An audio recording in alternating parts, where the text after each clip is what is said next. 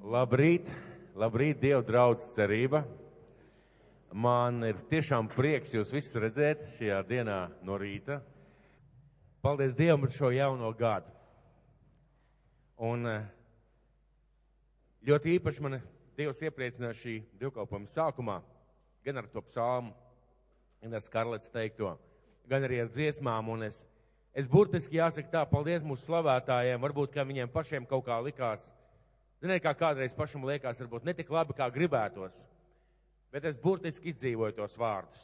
Mans spēks ir tevī, mana ticība ir tevī, mana cerība tevis burtiski izdzīvoju. Ziniet, kāpēc? Jo viņš ir tas, kas mūs ir aicinājis. Viņš mūs ir izredzējis. Un viņš ir mūs darījis par saviem bērniem. Viņš ir darījis mūs par saviem ganību saviem. Tas nozīmē, ka, lai arī kas dzīvē notiktu, lai kādas lietas notiktu, mums vienmēr ir izēja. Vienmēr ir pie kā ķerties, vienmēr ir kāds, kas iežēlosies, kas palīdzēs, un pie kam kas visgudrākais, visstiprākais un visvarošākais visā visumā un vispār visā pasaulē, tā varētu teikt. Viņš ir mūsu spēks un viņš ir mūsu stiprums. Un jebkurās problēmās, jebkurās situācijās mēs varam uz viņu paļauties. Un, jau pagājušajā gadā es kādā mirklī nolēmu, ka mans dievs nav manas problēmas, ka mans dievs nav mana kalpošana ka mans Dievs varbūt nav tie dzīves apstākļi, vai mans Dievs pat varbūt nav tās lietas, kā cilvēki izturās, dara vai rīkojās. Mans Dievs ir mans Dievs.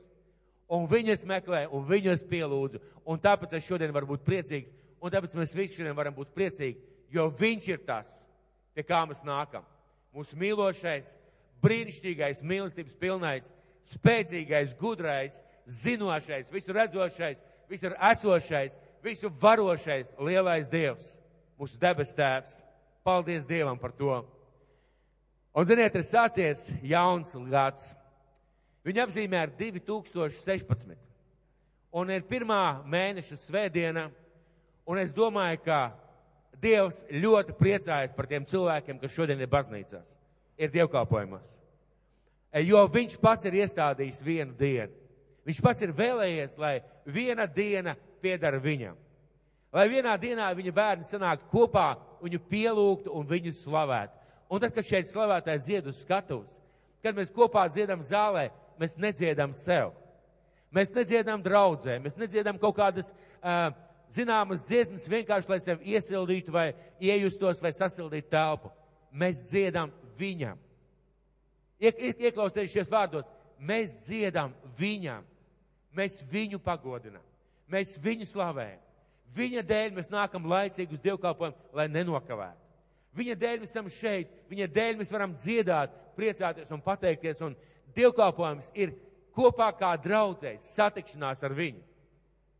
Dievu tēvu, Dievu dēlu un svēto garu. Un ir pirmā svētdiena, un ir liels prieks būt draudzē un šeit šodien dievkalpojumā. Un bieži, bieži cilvēkiem jaunais gads sākās ar jaunu dzīvi būsiet noteikti pamanījuši, ja jauns gads sākšu jaunu dzīvi. Un ļoti bieži šī jaunā dzīve, viņa tā īsti nekamā nepamatojas.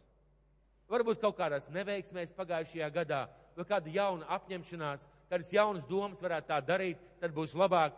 Un mēs visi zinām, cik ļoti ātri šīs jaunās lietas izgaist, izkūp, un atkal tālumā parādās nākošais mērķis no nākošā jaunā gada. Jūs zināt, janvārs, februārs, marts, un ja tev neizdodas, no nākošā jaunā gada. Tāda nu gan, vai vismaz no Jāņiem. Tad nu gan, un bieži vien tam nav pata, pamata, nav motīva, un varbūt pat nav iemesla, kāpēc kaut ko jaunu sākt. Mums Dievu bērniem mūsu tēvs dod vārdu.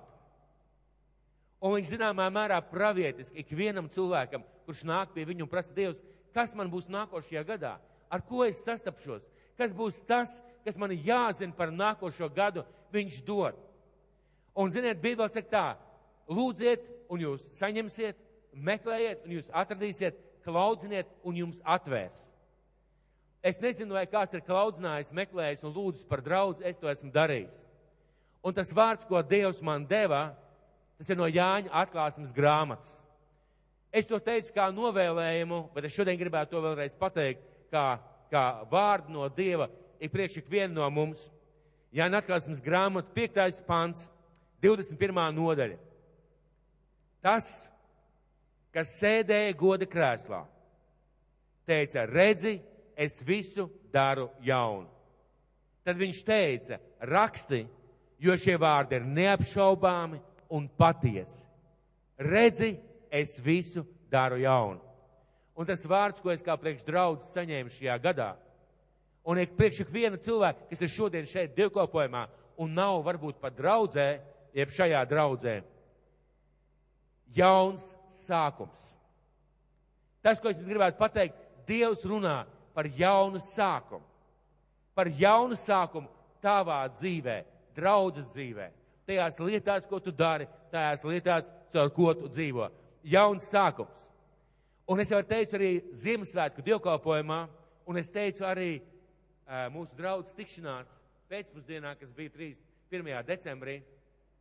Es jums teicu, ieraudzīsim ar jaunām acīm savu dzīvi. Paskatīsimies uz savu dzīvi, uz savu darbu, uz savu iešanu uz darbu, uz saviem darba kolēģiem, uz savu ģimeni, uz savu sievu, vīru, uz saviem bērniem, uz savu māsu, brāli, tēvu, māti, paskatīsimies ar jaunām acīm un arī uz Dievu. Jo mums ir vajadzīgs šis jaunais skatījums, jo Dievs visu dara jaunu. Un ja tu man šodien pajautātu, ko Dievs tev saka, un es zinu, ka ir reizēm cilvēki draudzē, kur saka, nē, nē, nē, tas nevar būt. Kā viņš zināja? A, kāpēc tieši viņam pateica? A, kāpēc tā, tieši tā man būtu jāklausa? A, kāpēc tas man būtu jāpieņem? Šodien stāvot šeit, Dievu priekšā, saprotot atbildību, kad es lietoju vārdu Dievu priekšā, es gribu tev pateikt, Dievs tev šodien saka, jauns sākums. Jauns sākums. Un, protams, tā būs tava izvēle, vai tu to pieņemsi. Kāpēc šis jaunais gads var būt jauns sākums? Vai tikai tāpēc, ka jauns gads? Kā jūs domājat? Vai mūsu doma balstās tāpat kā, kā Skarlata teica, uz to, ka ir pērtiķa gads, Un, ja pagājušais bija āžu gads, tad šogad ir pērtiķa gads. Un brauciet uz tukumu, mums ir lieliska ilustrācija. Tur ir kāda uh, ceļu būves firma. Un viņiem pie vārtiem tā kā tāds, uh, nu, kā simbols, kā logo, kā izkārtnes stāv šis te ceļa rūles, veclaicīgs padomu ceļu rūles. Un es kaut kā līdz šim nebiju piefiksējis, kāpēc šim ceļa rūlim pie stūres ir āzas. Nu, tiešām, tur ir ceļa rūlis, un viņam pie stūres noliks tās liels izgrieztas āzes un apstiepts ar tādām, ar tādām spīdīgām lentēm. Es nebiju piefiksējis. Un tagad, kad nāca jaunais gads, un uz Ziemassvētkiem un uz jauno gadu mēs braucām šajā svētdienā, 27. braucām uz dievkalpojumu, es skatos, pie stūres ir mērkaķis. ja pirms tam bija āzes, tad tagad ir mērkaķis. Un man iešāvās tā doma prātā, lai Dievs žēlīgs šai kompānijai. Ja viņiem pie stūres ir mērkaķis, tad ir baigi traki. Bet, protams, tas tāds joks, tas tāds simbols. Cilvēki tā izdarās un izkārtojas, un mūsu, mūsu pamats jaunām lietām nebalstās uz to, ka sākās jauns gads. Jā, sākās jauns gads, Dievs pats gadus iekārtoja, bet šis gads ir kaut kāds īpašs gads, jo tas ir jauns Dieva žēlastības gads. Šis gads ir jauns un varbūt jauns sākums, jo šis ir jauns Dieva žēlastības gads. Kad mēs lasām Lūkas evaņģēlijā, mēs visi Ziemassvētkos un pirms Ziemassvētkiem runājām, kā Dievs sagatavoja Jēzus piedzimšanu, kā Dievs sagatavoja Jēzus dzimšanu konkrēti, kā Dievs sagatavoja austrumu gudros, kā Dievs sagatavoja zvaigzni, kā Dievs sagatavoja ķēniņu, kā Dievs sagatavoja visas lietas, gāniņus, Eh, debesu kori, eņģeļus, kā Dievs sagatavoja, lai Jēzus piedzimtu. Un, ja mēs lasītu tālāk, mēs izlasītu Lūkas evaņģēlijā, ka pienāk diena Jēzus Kristās. Pienāk diena Jēzus Kristās. Un tad ir viens mirklis, viens mirklis, kad Jēzus dzīvē sākās pilnīgi jauns laiks. Un ziniet, ar ko viņš šo jauno laiku sāk? Ar vārdiem un pasludināt tā kunga žēlastības gadu. Arī Jēzus sāk savu kalpošanu tādā izteiktā formā ar vārdiem pasludināt tā kunga žēlastības gadu. Un vēsturnieks saka, ka viņš šos vārdus pateica 50. gadā, pirmajā dienā. Ebrejiem bija kalendārs 7, 7, 7, 7, un tad ir 50. gads. Un 50. gadā bija jāatlaiž visi parādi, jāatlaiž visi vergi, kas no ebreju tautas, zeme jāatstāja atmatā, jāļauj visiem atpūsties, jo ir tā kunga žēlastības gads. Un lūk, Jēzus uzkāp, ja tā varētu teikt, kancelē, nolas šo rakstu, ko es tūlīt lasīšu, un viņš saka, un pasnāt jums tā kunga žēlastības gadu. Jauns gads un jaunas lietas. Un tāpēc mēs varam šodien ar uzticību skati ar tādu drošību, mieru skatīties nākotnē, jo tas nav vienkārši jauns gads. Tas ir jauns tā kunga žēlastības gads. Un Lūkas evaņģēlijas, 4. nodaļa, 16. līdz 21. pants. Lūkas evaņģēlijā, 4. nodaļā, no 16. līdz 21. pantam ir aprakstīts, kādā veidā un kā Jēzus pasludina šo jauno žēlastības gadu. Sākot ar 16. pantu. Tā viņš nonāca Nāceretē kur viņš bija uzaudzis un pēc sava ieraduma viņš sabata dienā iegāja sinagogā, viņš piecēlās, lai lasītu. Viņam pasniedza praviešu iesaist grāmatu, grāmatu atverot, viņam gadījās tā vieta, kur bija rakstīts. Uzreiz gribu pateikt, negadījās nejauši. Dievs jau bija sagatavojis šo vietu. Jo ko ebreji darīja līdzīgi kā dažas konfesijas uh, Latvijā, viņiem ir baznīcas gads un viņas lasa rūļus un baznīcas un bībeli cauri visam gadam, un šis teikt baznīcas, baznīcas gads un gada lasījums un gada vietas. Un Jēzum pasniedz šo rulli un negadījās netīšām, un Jēzus lasa vārdus. Viņam gadījās tā vieta, kur bija rakstīts, tā kunga gars ir uz manis.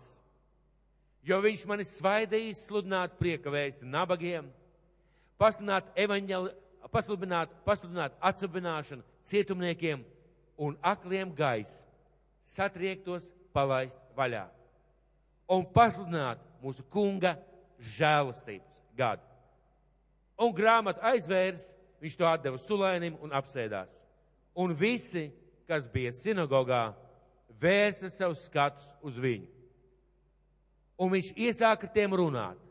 Šodien, šodien šis jūsu ausīm dzirdētais raksts ir piepildīts.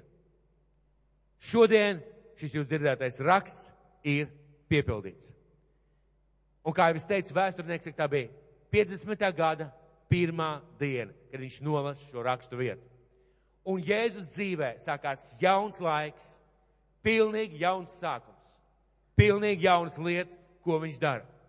Un kā saprast Dieva, un kā saprast šo Dieva žēlastības gadu. Kā saprast šo Dieva žēlastības gadu? Ko tas nozīmē tev un ko tas man nozīmē? Jo nevienam nav vajadzīgs vienkārši Bībeles teksts. Zini, ko tas nozīmē? Kad Dievs šajā gadā runās uz tevi un centīsies tev vest uz tām lietām, kas tev ir jāpiedzīvo. Dievs tev šajā gadā centīsies vest. Es speciāli lietoju vārdu centīsies, jo Tu nevari nevienu aizvest, ja kāds turās pretīm. Viņš runās uz tevi un mācīs. Dievs dos piedošanu par pārkāpumiem, jo mēs kļūdīsimies. Tev ir jāzina, ka šajā gadā iespējams tev nāksies krist vai gadīsies krist, un Dievs dos piedošanu.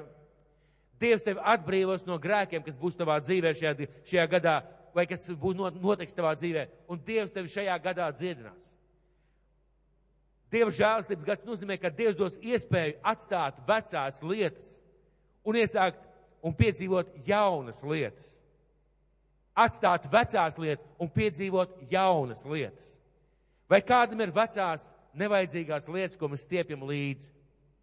Piemēram, ieradums kavēt dievkalpojumus vai nogulēt no rīta. Vai dievkalpojumā ieslēgt mobilo telefonu un sarunāties. Vai, piemēram, es, uh, ēst konfekts dievkalpojumā, vai, piemēram, nelūgt no rītiem Dievu. Un mums ir tik daudz veco lietu, par kurām mēs zinām vecās lietas. Un Dievs pilnīgi viennozīmīgi šajā gadā, jau sākot ar šo mirkli, viņš cenšas tevi vest prom no šīm lietām un ievest tevi jaunās lietās. Un ja tu dievkalpojumam, piemēram, hroniski nedziedāji, saproti, ka tu slavē viņu. Un vai nu tu izvēlies viņu slavēt, vai tu paliec ar saknieptām lūpām. Dievs centīsies tevi mainīt. Un Dievs dos žēlastību. Kad es runāju par cilvēku personīgajām attiecībām ar Dievu. Man ir tāds zīmējums, ko es visiem rādu. Mūsu dzīve ir kā māja. Kā māja. Man parasti neizdodas skaisti uzzīmēt. Tā māja izskatās diezgan dramatiski. Bet skurstenis parasti cenšos piezīmēt. Un lūk, mājai ir pamats. Un māja vienmēr būvē no pamata. Un pamats ir manas personīgās attiecības ar Dievu. Laiks, ko es pavadu viņu priekšā. Laiks, ko, kur es lūdzu, kur es lasu, kur es meklēju viņu. Laiks, kad es iedziļinos viņa vārdā. Manas attiecības ar viņu ir dievkalpojuma apmeklēšana. Manas attiecības ar viņu ir kalpošana, staigāšana, daudzas lietas. Manas attiecības ar Dievu ir mans pamats. Un tad ir sienas. Mājā ir sienas, un sienas ir visa mana dzīve. Mana ģimene, mana kalpošana, manas finanses, manas attiecības ar cilvēkiem, manas attiecības ar, ar, ar draugiem, ar paziņām, darbs, kalpošana, visas lietas ir siena. Un sienā ir daudz, daudz, daudz ķieģeļu. Un visi šie ķieģeļi ir ties veids, kā es būvēju savu māju. Un ir Dieva instruments, ir Dieva ķieģeļi, ir Dieva materiāls, kas balstīts Dieva vārdā. Kā būtu jādara. Un no tā es ceļu savu māju. Savu māju. Un ja kvalitatīvi Dieva, dieva materiāli šī māja stāvēs un neplaisās. Bet tad ir tāda lieta, ko es nevaru uzcelt. To sauc par Dieva žēlastību. Un tas ir kā jums. Tas ir vienkārši kā jums. Kad Dievs tev vienkārši dod veiksmi, izdošanos, svētību, īstie zvani, īstie cilvēki, atbildētas lūkšanas, prieks dzīvē, dažādas lietas, un tas ir kā jums. Un to spēj iedot tikai Dievs. Un šajā gadā Dievs skaidri pasaka, būs žēlastība tavā dzīvē. Būs žēlastība pār tavu dzīvi. Dievs tev svētīs šajā gadā ar visu nepieciešamo. Dievs ir apsolījis, ka viņš rūpēsies par tevi. Un Dievs dos jaunas, atvērtas durvis, pa kurām tu vēl nekad neesi gājis. Jo, zini, tu šajā gadā satiksi cilvēkus, ar kuriem tu nekad neesi saticies. Tu brauks tajā tramvajā, ja tajā trolēbusā, kurā varbūt tu vēl nekad neesi braucis tajā dienā un tajā gadā. Un tur būs citi cilvēki, cita, cita, cita, cita situācija. Tu varbūt uz ielas vai darbā iesi cauri citām lietām, citiem notikumiem, citām situācijām. Un ļoti iespējams, ka tas, ko tu līdz šim nemācēji, nevarēja un tev neizdevās, tu to tagad mācēsi un varēsi. Man personīgi piedzīvojums ar mobiliem telefoniem. Vecākai paudzei viennozīmīgi tas tā parasti ir. Pagājuši gadu, kaut kad rudens pusē, es tiku pie jauna telefona. Uh, un šis jauns telefons bija pavisam citā sistēmā nekā, nekā mans vecais Blackberries. Bet cita sistēma. Un man joprojām viss neizdodas. Bet ziniet ko? Es iemācījos aizsūtīt īziņas, es iemācījos nokopēt telefonus, es iemācījos noklausīties un ierakstīt kaut kādus raidījumus. Es nekad to nebiju darījis. Smieklīgi, pareizi. Bet tās ir tās zināmā mērā mazās, atvērtās durvis. Un nu jau nu jau es jau līdz tehnoloģijām. Es daudz ko vēl nemāku un nezinu. Parasti mums bērni, ziniet, bērni mums tagad jūtās parasti lieli. Tad, kad viņi vecāks var pamācīt par telefonu un tehnoloģijām, tad viņi jūtās svarīgi, lieli. Nu, ko tu tēt? Nu, ko tu, mamma? Šitas tak tā nedarās. Vai kāds to ir piedzīvojis? Ir kāds to piedzīvojis, jā? Ja? Jaunieši klausieties un tā nedariet. Lūk, Dievs dos daudz, daudz lietas. Dievs dos mums atbildes uz kādiem jautājumiem, uz kuriem mēs meklējam atbildes. Dievs kādam dos jaunas attiecības. Attiecības vīriešu un sievietes starpā. Dievs kādam dos palīdzēs kaut ko pabeigt, kaut ko sākt.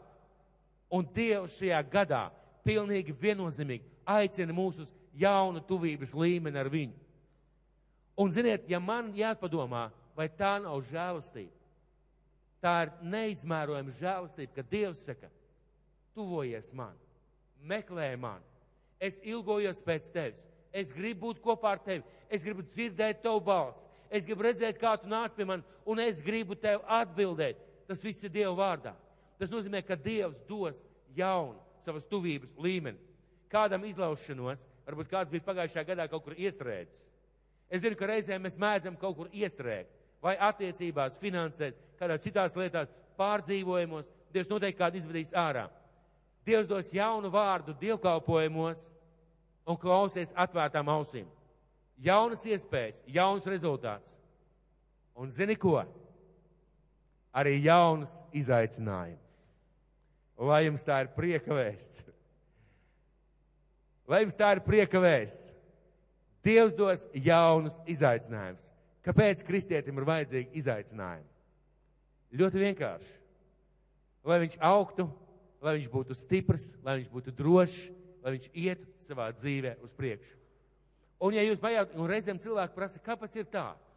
Esmu tik dievbijīgs cilvēks, tā mīlu Dievu, tā manā dzīvē viss tik ļoti kārtībā. Kāpēc man ir kāda slimība? Kāpēc man krēķis par radiniekiem? Kāpēc man varbūt tas neiet, vai tas neiet, vai tas neiet? Un es domāju, ka Dievs vienkārši skatās un smaida.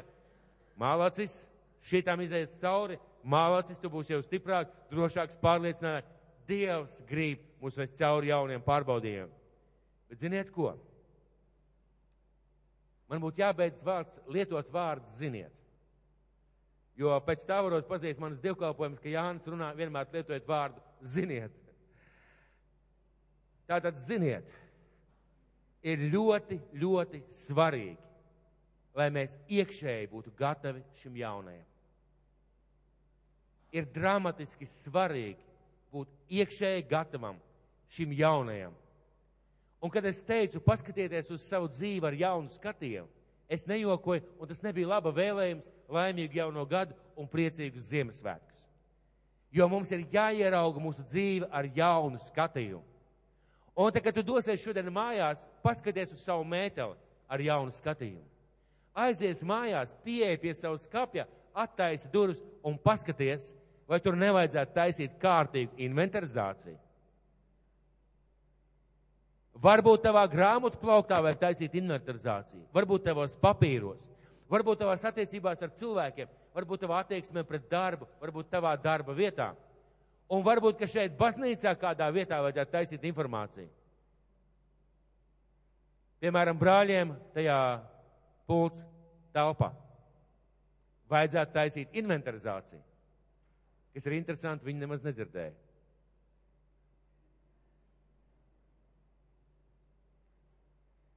Varbūt tā vajadzētu taisīt inventarizāciju un visas liekas mantas mest ārā. Mums ir vajadzīgs jauns skatījums uz lietām. Un, ziniet, vīrieši ļoti, ļoti bieži grēko. Ziniet, ar ko viņi grēko?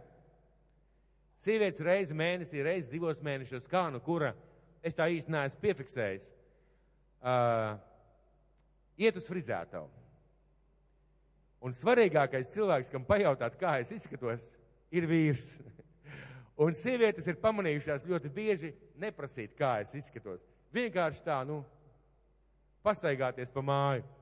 Un tad ir ļoti svarīgi, vai vīrs ierauga, ka ir jauna frizūra vai nav. E, es pateicos Dievam par manu sievu, viņa ir žēlsirdīga.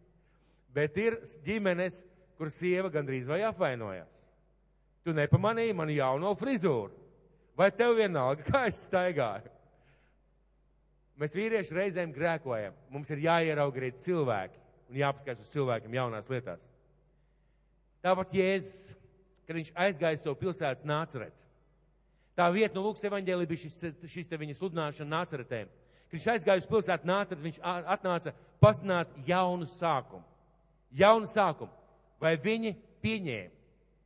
Vai viņi pieņēma šo jauno sākumu, šīs brīnišķīgās lietas? Un palasīsim kopā 22. pants. Es negribētu lasīt tur tālāk visu to stāstu. Viss ir apmēram tādā pašā garā. Un visi viņam piebalsoja, un tad Jēzus saka tā, un viņš iesākot, iesāk ar tiem runāt, šodien šis jūsu ausīm dzirdētais raksts ir piepildīts. Un visi viņam piebalsoja un brīnījās par žēlastības vārdiem, kas nāca pār viņu lūpām un sacīja, vai šis nav Jāzepa dēls? Patiesībā tas teksts saka to, labi runāja brāli, klausies, bet mēs taču tevi pazīstam. Tu esi Jāzepa dēls. Ko tu te vispār tagad runā? Labi skanēja, bet ko tu vispār runā? Un uzreiz pēc, pēc tiem vārdiem, kas viņam ļoti patika, viņi pēkšņi ieraudzīja Jēzu ar veco skatījumu. Vecais skatījums, tas taču ir Jāzepa dēls. Tu attaisīsi skapēju, nu, bet tās taču manas klientas, vai te vispār var kaut ko mainīt? Bet tās taču manas attiecības ar cilvēkiem, vai te vispār vajag kaut ko mainīt? Tās taču manas attiecības ar Dievu. Nu, es jau tā vienmēr lūdzu, vai man kaut ko te vajadzētu mainīt? Tā tad ļoti svarīgi ir ieraudzīt. Un viņi ierauga Jēzu kā Jāzepa dēlu.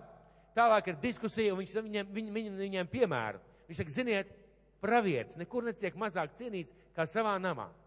Un tad viņš min vairākus piemērus, kur Dievs pagodinājās pagānu dzīvē un nepagodinājās savas tautas dzīvē viņu neticības dēļ, jo viņi skatījās uz Dievu ar veco skatienu. Un šie cilvēki paliek dusmīgi, paliek dusmīgi, un ko viņi dara? 28. un 23. pants. Un to dzirdēdami visi sinagogā tapa dusmu pilni. Un cēlās un izdzina viņu no pilsētas ārā līdz kalna malai, uz kura pilsēta bija celta, lai nogāstu to zemē. Bet viņš caur viņu vidu iedams aizgāja. Viņš nogāja uz Kapernaumu. Vai viņi viņu pieņēma kā kaut ko jaunu? Nē, Un tāpēc, ka viņi nepieņēma viņu kā ko jaunu, kaut ko jaunu, viņi aizzina viņu līdz eh, pilsētas malai, lai nogāstu zemē. Jo viņam liekas, tas nevar būt nekas vērtīgs, kā viņš vispār var atļauties tā runāt. Ziniet, un Jēzus aizgāja no savas dzimtās pilsētas un nekad vairs neatgriezās. Un tas vārds šodien ir tev. Ja Dievs šodien tev saka, tev sāk ir jauns sākums, var uztvert kā kārtējo dievkalpojumu, sprediķi bija varbūt skaisti, varbūt nebija tik skaisti. Un nolikt to malā, un Dievs iespējams, ka tev kaut ko vairs nevarēs pateikt. Līdzīgi kā Jēzus viņš aizgāja un nekad vairs nāceretē neatgriezās. Var, tas varēja būt viņu izmaiņu laiks. Tas varēja būt šīs pilsētas izmaiņu laiks ja būtu, viņi būtu ieklausījušies un pieņēmuši. Viņi nenoticēja, arī tu vari nenoticēt jaunām izmaiņām savā dzīvē. Viņi nespēja to pieņemt, un viņi noraidīja, un pats trakākais, viņi palaida to garām. Es zinu, ka šeit ir kādi cilvēki, kas šeit tad uzvelk pa dūmam. Un Dievs tev šodien saka, atstāj šo lietu. Tas vienkārši tevi nogalinās. Es zinu, ka ir kādi cilvēki, kurš šeit iemet acis internetā, ar nepareizām lietām, mēs zinām, ka to sauc par pornogrāfiju. Nedari tā. Tas vienkārši tev aizvilks līdzi. Es zinu, kur ir cilvēki, kuriem ir kā medus maize parunāt par kādu. Nedari tā. Tu grauj sevi, savu nākotni. Un Dievs saka, atstāj. Un ja mēs noraidām šīs lietas, Jēzus aiziet tālāk, un viņš vairs neatgriežas. Un tā bija traģēdija priekš šīs pilsētas un nepalaid savu jauno sākumu šajā gadā. Nepalaid viņu garām. Notici, ka Dievs grib kaut ko jaunu, pieņem, ka Dievs tev dos kaut ko jaunu, un esi atvērtām ausīm un acīm piedzīvot šo jauno. Un kā jau es teicu, es minēju tādus dažus banālus piemērus, bet ziniet, vai Dievs ir ieinteresēts visos mūsu sīkumos? Kā jūs domājat, Dievs ir ieinteresēts? Jo no tā veidojas mana dzīve, pareizi. Un man, vai man kājās ir kurpes vai zābaka ar siltu iekšu, tas iespaido to, kā es iešu pa ielu, pareizi. Ļoti banāla lieta. Vai tas, kā es šodien sāku dievkalpojumu, vai tas, kā es pieceļos, vai es no rīta lūdzu Dievu, vai tas, kā es ģērbjos, vai es ģērbjos visu laiku kā trūcīgais cilvēks, vienmēr no humanās palīdzības, vai es tomēr skatos uz priekšu domāju, kas man vērts, ko man vajadzēja darīt. Un ir lietas, ko mums dzīvē vajag atstāt ļoti praktiskās. Varbūt ieradums iet gulēt, varbūt ieradums ēst, varbūt ieradums celties, varbūt ieradums runāt. Man bija kāda saruna ar kādu māsu. Saruna ar kādu māsu vienā, vienā, vienā pasākumā. Un mēs ar viņu runājām, mēs runājām par viņas dēlu. Viņas dēls nenāk uz dievkalpojumiem, neiet uz dievkalpojumiem. Un viņa arguments ir tāds, zini, māmīt, Tu jau tā kā ar svēto garu kristīta, tu jau tā kā 25 gadus laikam kristiete, bet es tā kā neredzu lielas izmaiņas tevi. Tu nepārtraukti zūdies. Tu nepārtraukti zūdies par visu kaut ko. Un mēs tā runājām, un svētais gars dod man vārdu. Un es saku, zinu, ko mamīt? Ja tu pār uztraucies par savu dēlu, beidz zudīties. Vienkārši pieņem lēmumu, ka tu savam dēlam vairs nezūdīsies. Tu zūdīsies Dievam, nevis savam dēlam. Tu gribi izmaiņas, lūk, tev ir atslēga. Lai tavs dēls pēc pusgada pateiktu, jā, zini, varbūt, ka Dievs tomēr strādā tavā dzīvē. Varbūt, ka tu tomēr esi kristiet, varbūt tu tomēr esi garīgi. Ko vajag mainīt? Vienkārši beigt zudīties. Vai tas nozīmē, ka man jāieslēdzas un tagad jāmirst vienkārši, es nevaru nekādam kādam kaut ko pateikt? Nē. Ja tev vajag atrast stipru brāli vai māsu, izkrata sirdi, runā ar viņu, lūdziet kopā. Bet vislabākais partners ir Dievs. Izstāsti visu Dievam. Izsūdzies Dievam, un tev nevajadzēs sūdzēties cilvēkiem, un atnāks pārmaiņas. Un nepalaid garām savu, iz, savus izmaiņas. Bet ziniet, kas ir pa lielu lietu? Atkal es lietoju vārdu, ziniet. Dievs visu jauno, lai atvērtos jaunos traukos. Atvērts, tas ir sagatavots ieliešanai. Tas nozīmē, ka šis trauks ir tukšs, viņš ir atvērts, lai viņā kaut ko ieliet. Un tukšā traukā, kad tu lej iekšā, viņš piepildās. Pareizi? Ja trauks ir pilns, tad tas viss iet pāri. Lūk, jums ir atbildi, kāpēc daudz kristieši vienkārši, kad ar viņiem runā par kādām lietām, viņi sprāgst gaisā. Jo viņi ir pilni ar visu kaut ko. Un viņi nav gatavi un nevar uzņemt jaunu dievu vārdu vai lietas, ko vajadzētu mainīt. Viņi sprāgst gaisā. Un viņi saka, kas tā par lietu, kāpēc man kaut ko vispār saka. Jo viņš ir pilns un viņš ir aizkorķēts. Un bieži vien pat aizdambēts tā kārtīgi no augšas un no apakšas, lai neviens man nevar izkustināt. Un daudz pilni un tāpēc tā dzīvē notiek. Un ja es ļoti skaidri mācīju, ka, lai ieietu, ielietu ko jaunu, ir jābūt sagatavotam, attaisītam, atvērtam traukam, lai Dievs tur varētu kaut ko ieliet. Un Marka evaņģēlijas otrā nodaļa. Marka evaņģēlijas otrā nodaļa, 21. līdz 22. pants.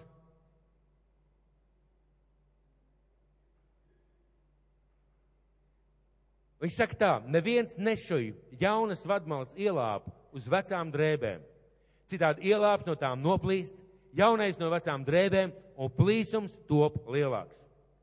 Un neviens jaunu vīnu nelēja vecos ādas traukos. Citādi vīna trauks pār, citādi vīns trauku pārplēš un vīns un trauks iet bojā.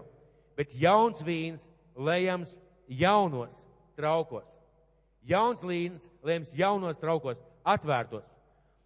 Vai Jēzus šeit runāja par ādas traukiem? Jā, viņš runā, viņš lietoja piemēru. Un reizēm cilvēks saka tā, Jānis lieto uzskatas līdzekļus. Nē, es lietoju līdzības. Un Jēzum varbūt nevajadzēja lietot šo līdzību tīri fiziskā veidā, bet varbūt, tur bija kāds ādas trauks, mēs nezinām. Un Jēzus saka, redziet, ir vecs ādas trauks un jauns ādas trauks. Vecs vīns, ja vecs ādas trauks, viņš ir izstaipīts jau. Viņš ir jau savu robežu, ro, ro, savās robežās, viņš ir sakaltis, sacietējis, viņš kaut kāds tāds, kurš jau bijis piepildīts, viņš vairs nespēja stiepties. Bet jaunu vīnu, jaunas lietas, jaunas atklāsmes, jaunas izmaiņas, lai jaunā traukā. Kāpēc? Jo jauns vīns, viņš briest, viņš kaut ko, no, kaut ko dara, viņš burbuļo, viņš pavairojās masā, ja tā varētu teikt, paliek lielāks, Un, viņš, ja tas ir ielietas vecā traukā, viņš pārplēš pa šuvēm šo ādas trauku, un vīns aiziet bojā, un trauks aiziet bojā.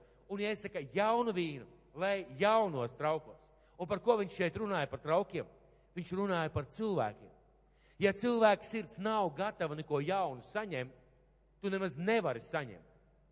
Nav iespējams tevi ieliet, ja tu esi ciet. Nav iespējams ieliet jaunas lietas cilvēkā, kurš nav gatavs mainīties, kurš saka, ar mani viss ir labi, ar mani viss ir kārtībā, es visu zinu. Nav iespējams. Un tāpēc, ja es ļoti skaidri nosaka, parādu šīs lietas, viņš saka, jaunu vīnu, jaunas lietas, lai jaunā traukā, un lai tu būtu gatavs uzņemt kaut ko jaunu, pirmām kārtām, es gribētu tev atkārtot vēlreiz. Notic, ka tas ir vārds priekš tevis. Otrā lieta - pieņem to. Un trešā lieta - es ar atvērtām ausīm gatavs kaut ko mainīt, kaut ko darīt jo Dievs noteikti runās. Un Dievs, lai jaunas lietas eh, cilvēkos, kuri spēja mainīties, kuri spēja pieņemt jauno un iet uz priekšu. Jauna, sagatavota cilvēka sirds. Vai ir jāgatavojas jaunajam? Vai ir jāgatavojas jaunajam? Kā jūs domājat? Vai ir jāgatavojas kaut kam jaunam? Makšķernieki pēdējās nedēļas laikā. Kā jūs domājat, ko viņi darīja? Vilka ārā savus vecos urbis no pagājušā gada, savas blitku kastes, pārsēja pa jaunu mormiškas blitkas, uzasināja, aiznes uzasināt, sakārtoja visu, salika visu. Jo ziniet, kas ir? Jauna makšķerēšanas sezona. Un liela no daļām viņiem jau sapņos redz to lielo līdeku vai to lielo asaru, ko viņi izvilks. Ko viņi dara? Viņi sagatavojās jaunajam. Jo esmu redzējis tādus makšķerniekus, kas aiziet uz ezera, izvēl kasti, man te pagājušā gadā kaut kas bija. Laikam tur palicis. Un tad sākās nedēļas, un nav šausmīgāka situācija priekš makšķernieku, ka tev makšķers ir sapiņķējušās. Tā vietā, lai priecātos par dabu, tu paliec dusmīgs, kreņķīts, atspārdīt ar kājām savu, savu kasti un urbis neurbi, jo tu nevari ielpt caurumu. Tā ir traģēdija priekš makšķerniekiem. Bet ko viņi dara? Viņi sagatavojās, pareizi. Vai mums Dieva bērniem ir jāsagatavojas jaunam gadam, jaunam laikam? Pilnīgi noenozīmīgi. Kā jāsagatavojas? Kā var sagatavoties arī šim jaunajam gadam? Kā var jāsagatavoties? Ir jāpavada laiks ar tēvu, Kristu un svēto garu. Domājot, runājot, lūdzot un prasot Dievam par jauno gadu. Ja es teicu, ko jūs lūgsiet, to jūs dabūsiet. Ko jūs meklēsiet, to jūs atradīsiet. Ja jūs klaudzināsiet, jums tiks atvērts. Tā tad mums ir konkrēti jārunā ar Dievu par jauno gadu. Kā Jēzus sagatavojās? Kā Jēzus sagatavojās savai kalpošanai? Lūkas evanģēlijas 4. nodaļa. Pirmais līdz otrais pants. Lūkas evanģēlijas 4. nodaļa. Pirmais līdz otrais pants. Un es gribētu teikt, Jēzus ir izkāpis no ūdens, viņš tikko kristījies. Viņam stāv jauns laiks priekšā, un viņš uzreiz pēc ūdens kristībām nedodās šajā jaunajā laikā. Viņš sagatavojās, un skatieties, ceturtā nodaļa, un lai Dievs caur to uz tevi runā. Bet Jēzus svēta gara pilns aizgāja no Jardānas. Viņš ir kristījies. Un tālāk otrais pāns, un garā tapa pa tūkstnesi vadīts 40 dienas un vēl nekārdināts. Šīs dienās viņš nekā nebija ēdis, un kad tās bija pagājušas, viņam gribējās ēst. Un es gribētu pievērst jūsu uzmanību pirmajam pantam un otrajam pantam līdz pusē. Un tas ir vārds tev. Skaties, bet Jēzus svēti gara pilns aizgāja no Jardānas. Un garā tapa pa tūkstnesi vadīts 40 dienas garā tāpā pa tūkstnesi vadīts 40 dienas. Rakstīts, tika vadīts. Man ir jautājums. Vai jūs kādreiz esat padomājuši, ko Jēzus 40 dienas tūkstnesī darīja? Ja mēs runājam par vēlnu kārdināšanu, tad tas bija papildus pieliktā lieta, kas jau atnāca tā kā pašās beigās, jo Jēzum jau gribējās ēst. Bet ko Jēzus 40 dienas darīja? Viņam ir priekšā kalpošana. Viņš zina, ko viņš saskarsies, viņš zina savu nobeigumu. Ko viņš 40 dienas dara? Viņš pavada laiku ar tēvu kopā. Viņš noteikti meklē Dievu. Viņš runā ar Dievu. Viņš prasa Dievam par lietām. Viņš runā par Dievu klātbūtni. Viņš cenšas tuvoties Dievam, cenšas sagatavoties tam laikam, kas viņam nāk priekšā. Ziniet, kāpēc es varu spriest, no kā viņš ir gatavojies, no kā viņš sagatavojās? Jo 14. pāns tālāk saka tā. Pēc šīm visām kārdināšanām, bet Jēzus gara spēkā griezās atpakaļ uz Galileju, un viņa slava izpaudās pa visu apkārt. Ja pirmajā pantā rakstīts, Jēzus svētā gara pilns aizgāja no Jardānas, tad otra lieta, 14. pantā, bet Jēzus gara spēkā griezās atpakaļ uz Galileju un viņa slava izpaudās pa visu apkārt. Pirms tam tikai Jānis redz atvērtas debesis, balss no debesīm, tas ir mans mīļotais dēls. Viņš aiziet tuksnesī, viņš 40 dienas pavada ar Dievu tuksnesī, runājot ar Dievu, lūdzot Dievu, meklējot Dievu, gavējot. izējot ārā, slava izpaužās par viņu, jo viņš spēkā iziet ārā. Kāpēc es jums to visu saku? Kāpēc jums to visu saku? Un kad Vēlns uzdod vārdus, saka vārdus, saka šim akmenim, lai viņš to par maizi. Ko Jēzus atbild? Cilvēks nedzīvo no maizes vien, bet no katra vārda, kas iziet no Dieva mutes. Tad ko Jēzus meklēja tuksnesī? Vārdu no Dieva. Atklāsim no Dieva, jaunas lietas no Dieva, spēku no Dieva, ceļu no Dieva, redzējumu no Dieva, vārdu no Dieva. Un Jēzus negribēja dzīvot no maizes vien, un tāpēc viņš gavēja, un tāpēc viņš bija tuksnesī. Jautājums ir te un man. Vai mēs gribam dzīvot tikai no maizes? Vai mēs gribam dzīvot tikai no tā, kas ir fiziski taustāms, spējams, aptaustāms? Mēs noteikti negribam, pareizi? Ja šī vieta runā par sagatavošanos jaunam gadam, jaunam laikam, tad runa ir par to, ka mēs kā draudz esam aicināti. Aicināti sagatavoties katrs personīgi šim gadam, šajā nākošajā nedēļā. Mēs runājam par to, ka nākošais nedēļa, no pirmdienas dienas, mums sākās gavēņa nedēļa mūsu draudzē. Mums nenotiks mājas grupas, nenotiks lūkšanu vakari, nenotiks pielūgsmes vakari un midijas skola. Nekas mums nenotiks, tikai vienai lietai būtu jānotiek. Katrā draudzes cilvēka mājā. Vajadzētu degt tai garīgai liesmiņai, jeb svecītei, jeb, jeb ugunskuram sauciet, kā gribiet, ka katrs draudzes loceklis meklē Dievu šajā nedēļā par nākošo gadu. Vārdu no Dieva savai dzīvei personīgi un kalpošanu vadītāju kalpošanā. Kā katrs no mums, katrs no mums, mēs, no mums meklējam, atklāsim par nākošo gadu. Lietas, ko vajadzētu mainīt, lietas, ko vajadzētu izdarīt, ka mēs sēžam kopā ar Kristu, plānojam, domājam, lūdzam un meklējam Dievu. Vai es vēl kaut kur runāju par, un runāju par gatavošanos par Dievu dzirdēšanu? Mateja evaņģēlijas 9. nodaļa. Mateja evaņģēlijas 9. nodaļa.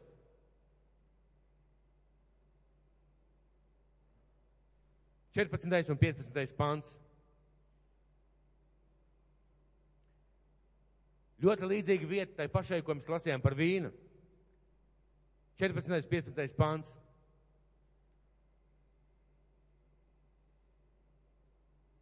Devīt, tad Jēzus, uh, Mateja evaņģēlijas 9. nodaļa, ja es pateicu 19. es atvainojos. Tad 9. nodaļa, 14. un 15. pāns. Pēc tam Jāņa mācekļi atnāca pie viņu un sacīja, kāpēc mēs un farizēji gavējam, bet tavi mācekļi negavē. Bet Jēzus tiem sacīja, vai kāds ļaudis var bēdāties, kam ar līgavainis pie viņiem, bet nāks diena, kur viņiem atņems līgavaini, tad tie gavēs. Jēzus nevienā vietā nerunāja par reliģiozu nodarbošanos gavēšanu, par miesas mēdēšanu. Viņš nevienā vietā nebija tā plānojis, un Dievs tā neplāno.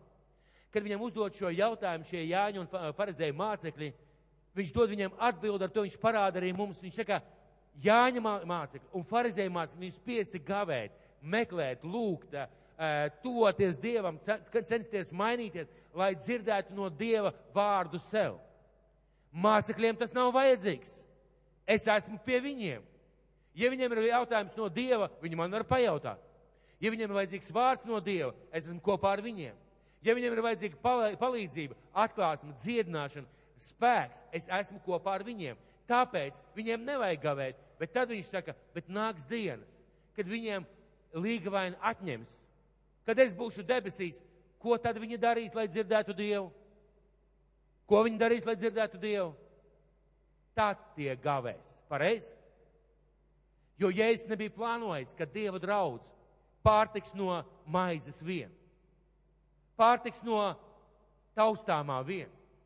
Pārtiks no savas spēka vien, no savas gudrības vien, no savas sapratnes vien, no brāļa māsas aizlūkšanas vien. Jēzus nebija plānojis un nekad nav plānojis, un tāda draudze nav paredzēta. Ir paredzēta draudze, kur katrs, katrs spēj, var un ir aicināts satikties ar Dievu. Un tāpēc ir ļoti svarīgi šī nākošā nedēļa, par ko es šobrīd runāju, ka tu vienkārši pieņem lēmumu, Kad tu pieņem lēmumu, es negribu šajā gadā ieiet ar aizsietām acīm. Es gribu dzirdēt, ko Dievs saka, es gribu saprast un es gribu sagatavoties šim gadam. Ja mēs lasām Bībeli, es nemanīšu varbūt citas vietas, varbūt tikai vienu. Ja mēs lasām Bībeli, mēs ieraugam, cik ļoti mērtiecīgi Dievs veidoja savu tautu. Un katru reizi, kad viņi devās kādā izšķirošā kaujā, viņi šķīstījās un gatavojās šau kaujai. Ko nozīmē šķīstīties? Nožēlot grēkus, gavēt, meklēt Dievu. Kad viņi dara dažādas lietas, viņi dara tieši to pašu. Kad viņi taisās pāriet Jardānai, Dievs saka, šķīstieties, gatavojieties, gavējiet. Viņi vienmēr sagatavojās, lai dzirdētu Dievu, lai būtu tuvāk, lai dzirdētu un saprastu Dievu. Un tas nav reliģiozs pasākums. Mīļie, kristietība ir dzīves attiecības ar dzīvu personību Dievu. Un mums viņš ir jādzird un jāsaņem vārds no viņa. Tas ir tas, kas mums visiem paredzēts. Un ļoti spilgts piemērs - Ezras grāmata. Ezras grāmata, atšķiriet Ezras grāmatu, 21. nodaļa. Es atvainojos, Ezras grāmata, 8. nodaļa, 21. pāns līdz 23. Ezras grāmata, 8. nodaļa, 21. līdz 23. pāns. Es nezinu, kā tu. Es redzu savu vārdu tur ierakstītu. Kāds teiks, Jānis, tev šilērējās? Nē, man nešilērējās, jo tas vārds domāts mums visiem.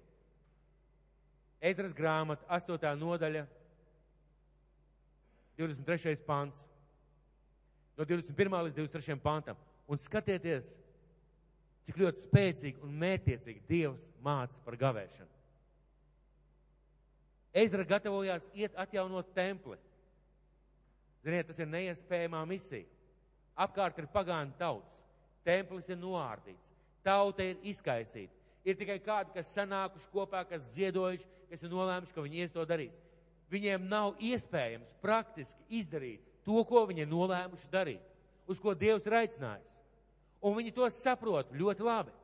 Un lūk, ko viņi izdara pirms doties ceļā Un es izsludināju, izsludināju, un es izsludināju tur gavēni pie Ahavas upes, lai zemotos mūsu Dievu priekšā un izlūgtos no viņa līdzenu ceļu sev pašiem, mūsu mazajiem bērniem un visai mūsu mantai.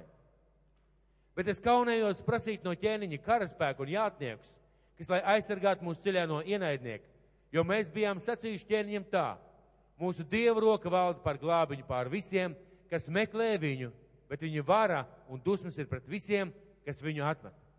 Un šajā vietā, ko Ezra saka, es negribēju paļauties. Es negribēju paļauties uz redzamo. Es negribēju dzīvot no, no maizītes. Es negribēju dzīvot no tā, ka ir karaspēks. Es negribēju dzīvot no tā, ka ķēniņš man atbalsta. Es negribēju no tā dzīvot, un es pats apliecināju, ka ne tas mani sargās. Un skatieties, viņi izsludina gavēni. Un 23. pants. Tā mēs gavējām un lūdzām no mūsu Dieva palīdzību šai lietā. Un viņš ļāvās pielūgties. Ja jūs lasīt tālāk, viņi iet un atjauno templi. Viņi iet un atjauno templi. Un ar to sākās tautas atzimšana.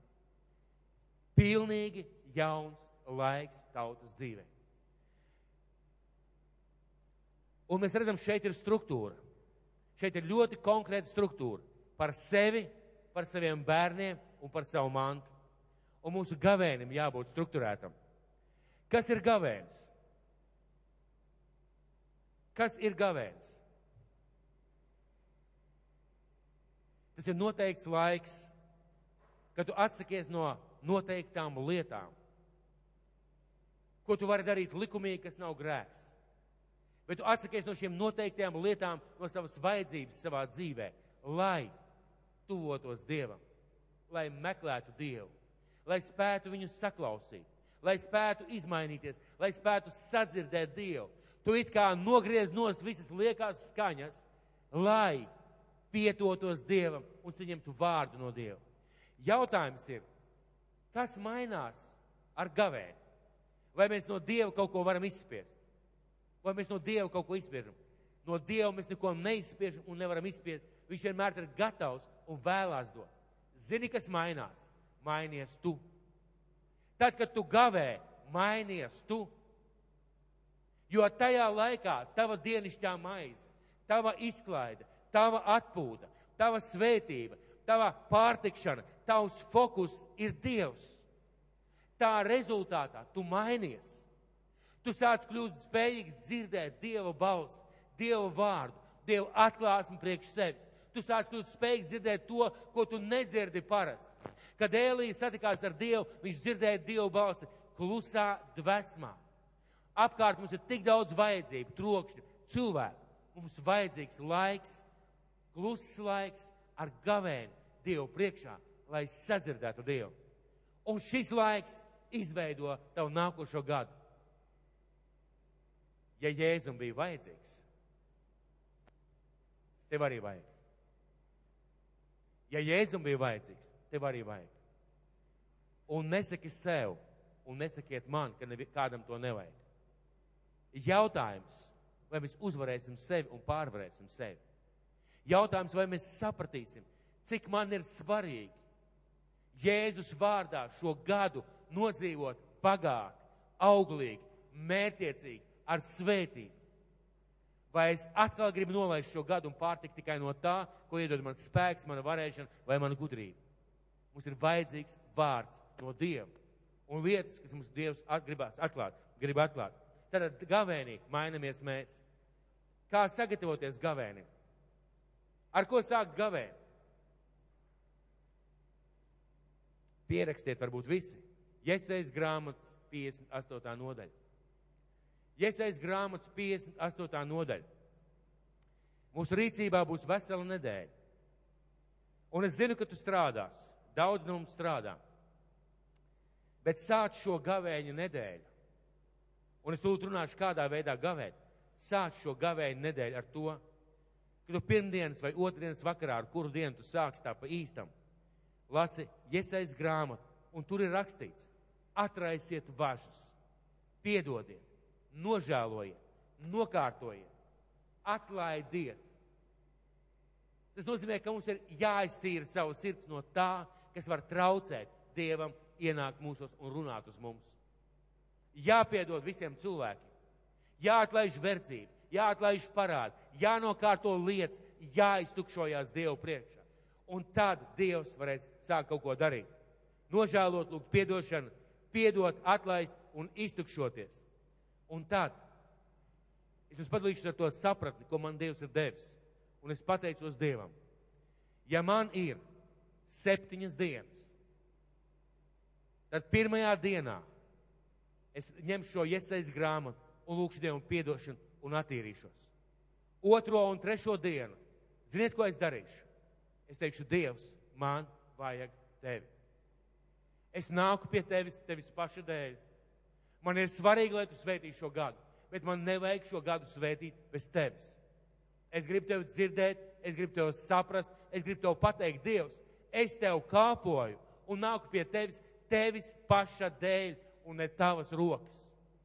Un kad būs pagājuši kāda diena, divas, kad es sajūtīšu, ka Dievs saka, ok, es sapratu, es pieņemu tavu tuvošanos, tas man ir patīkami, es būšu pateicis Dievam.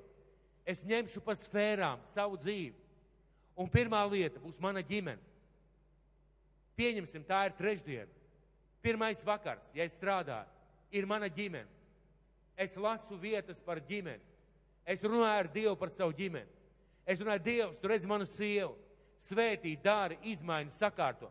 Tu redzi manus bērnus, palīdz tam, tam, tam, tam. Dievs, es nostājos tevā priekšā par savu ģimeni.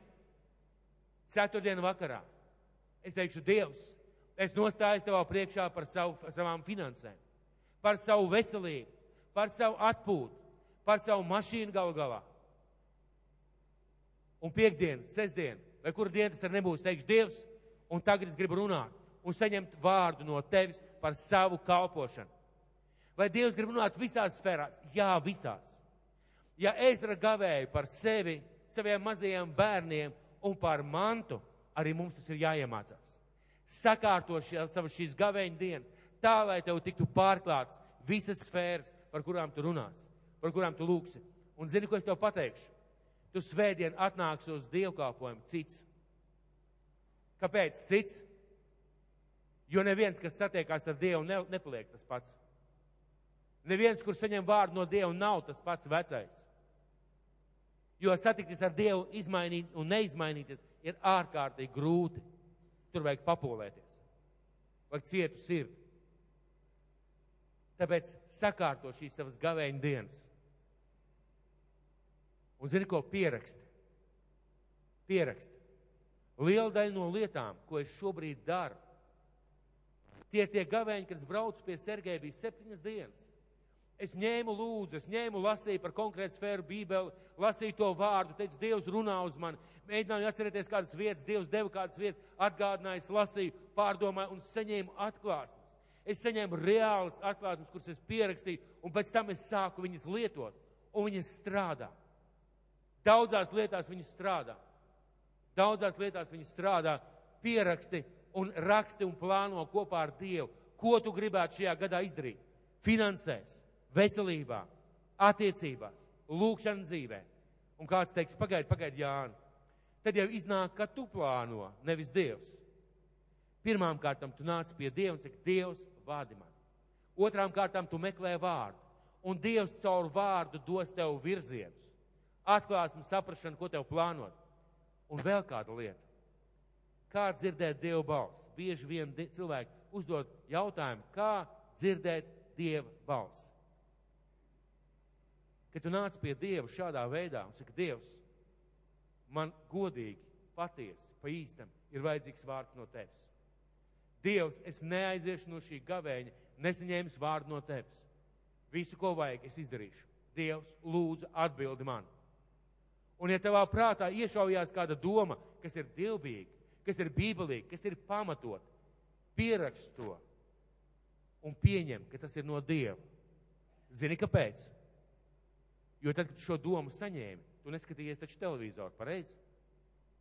Vai nelasīji avīzi? Vai neskatījies internetā? Un viņa neatnāca vienkārši kā ideja, pareizi? Dievs runā caur mūsu domām. Dievs runā caur tām lietām, ko mēs darām.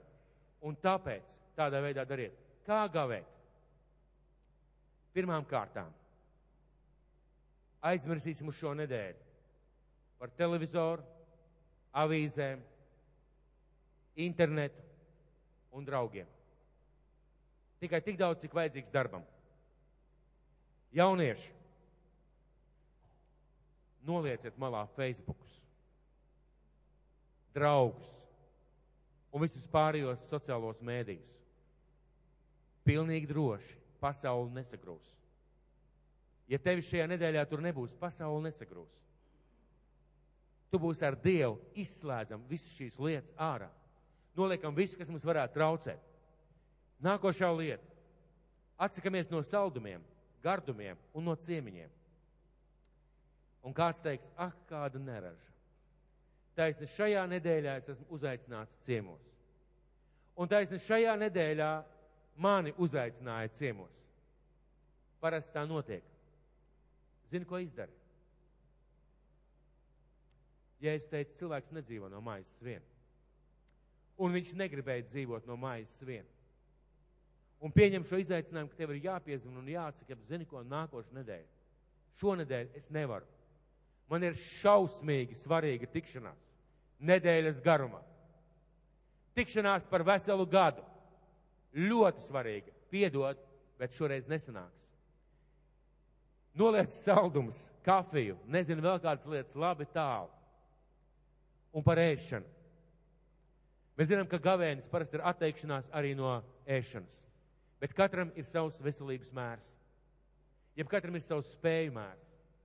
Ir kādi cilvēki, kur nevar ganē, gavēt, neēst tīri fiziski, tāpēc, ka viņiem ir veselības problēmas. Ēt kaut ko ļoti vienkāršu. Ļoti vienkārši un pieticīgi. Ēt mazāk. Ja tu vari gavēt, izvēlies septiņas dienas, sešas dienas vai piecas dienas, tikai gavē ar ūdeni un, un viss. ieeja gavēnī, pamazām, pamazām samazinot no šī vakara ēdienu reizes un ēdienu daudzumu, un tādā pašā veidā arī izēja. Kāpēc es par to stāstu? Protams, tas ir jāmāk, tas ir jāzina. Un nebojāsim veselību. Bet izvēlieties to darīt. Un ziniet, ko es jums teikšu?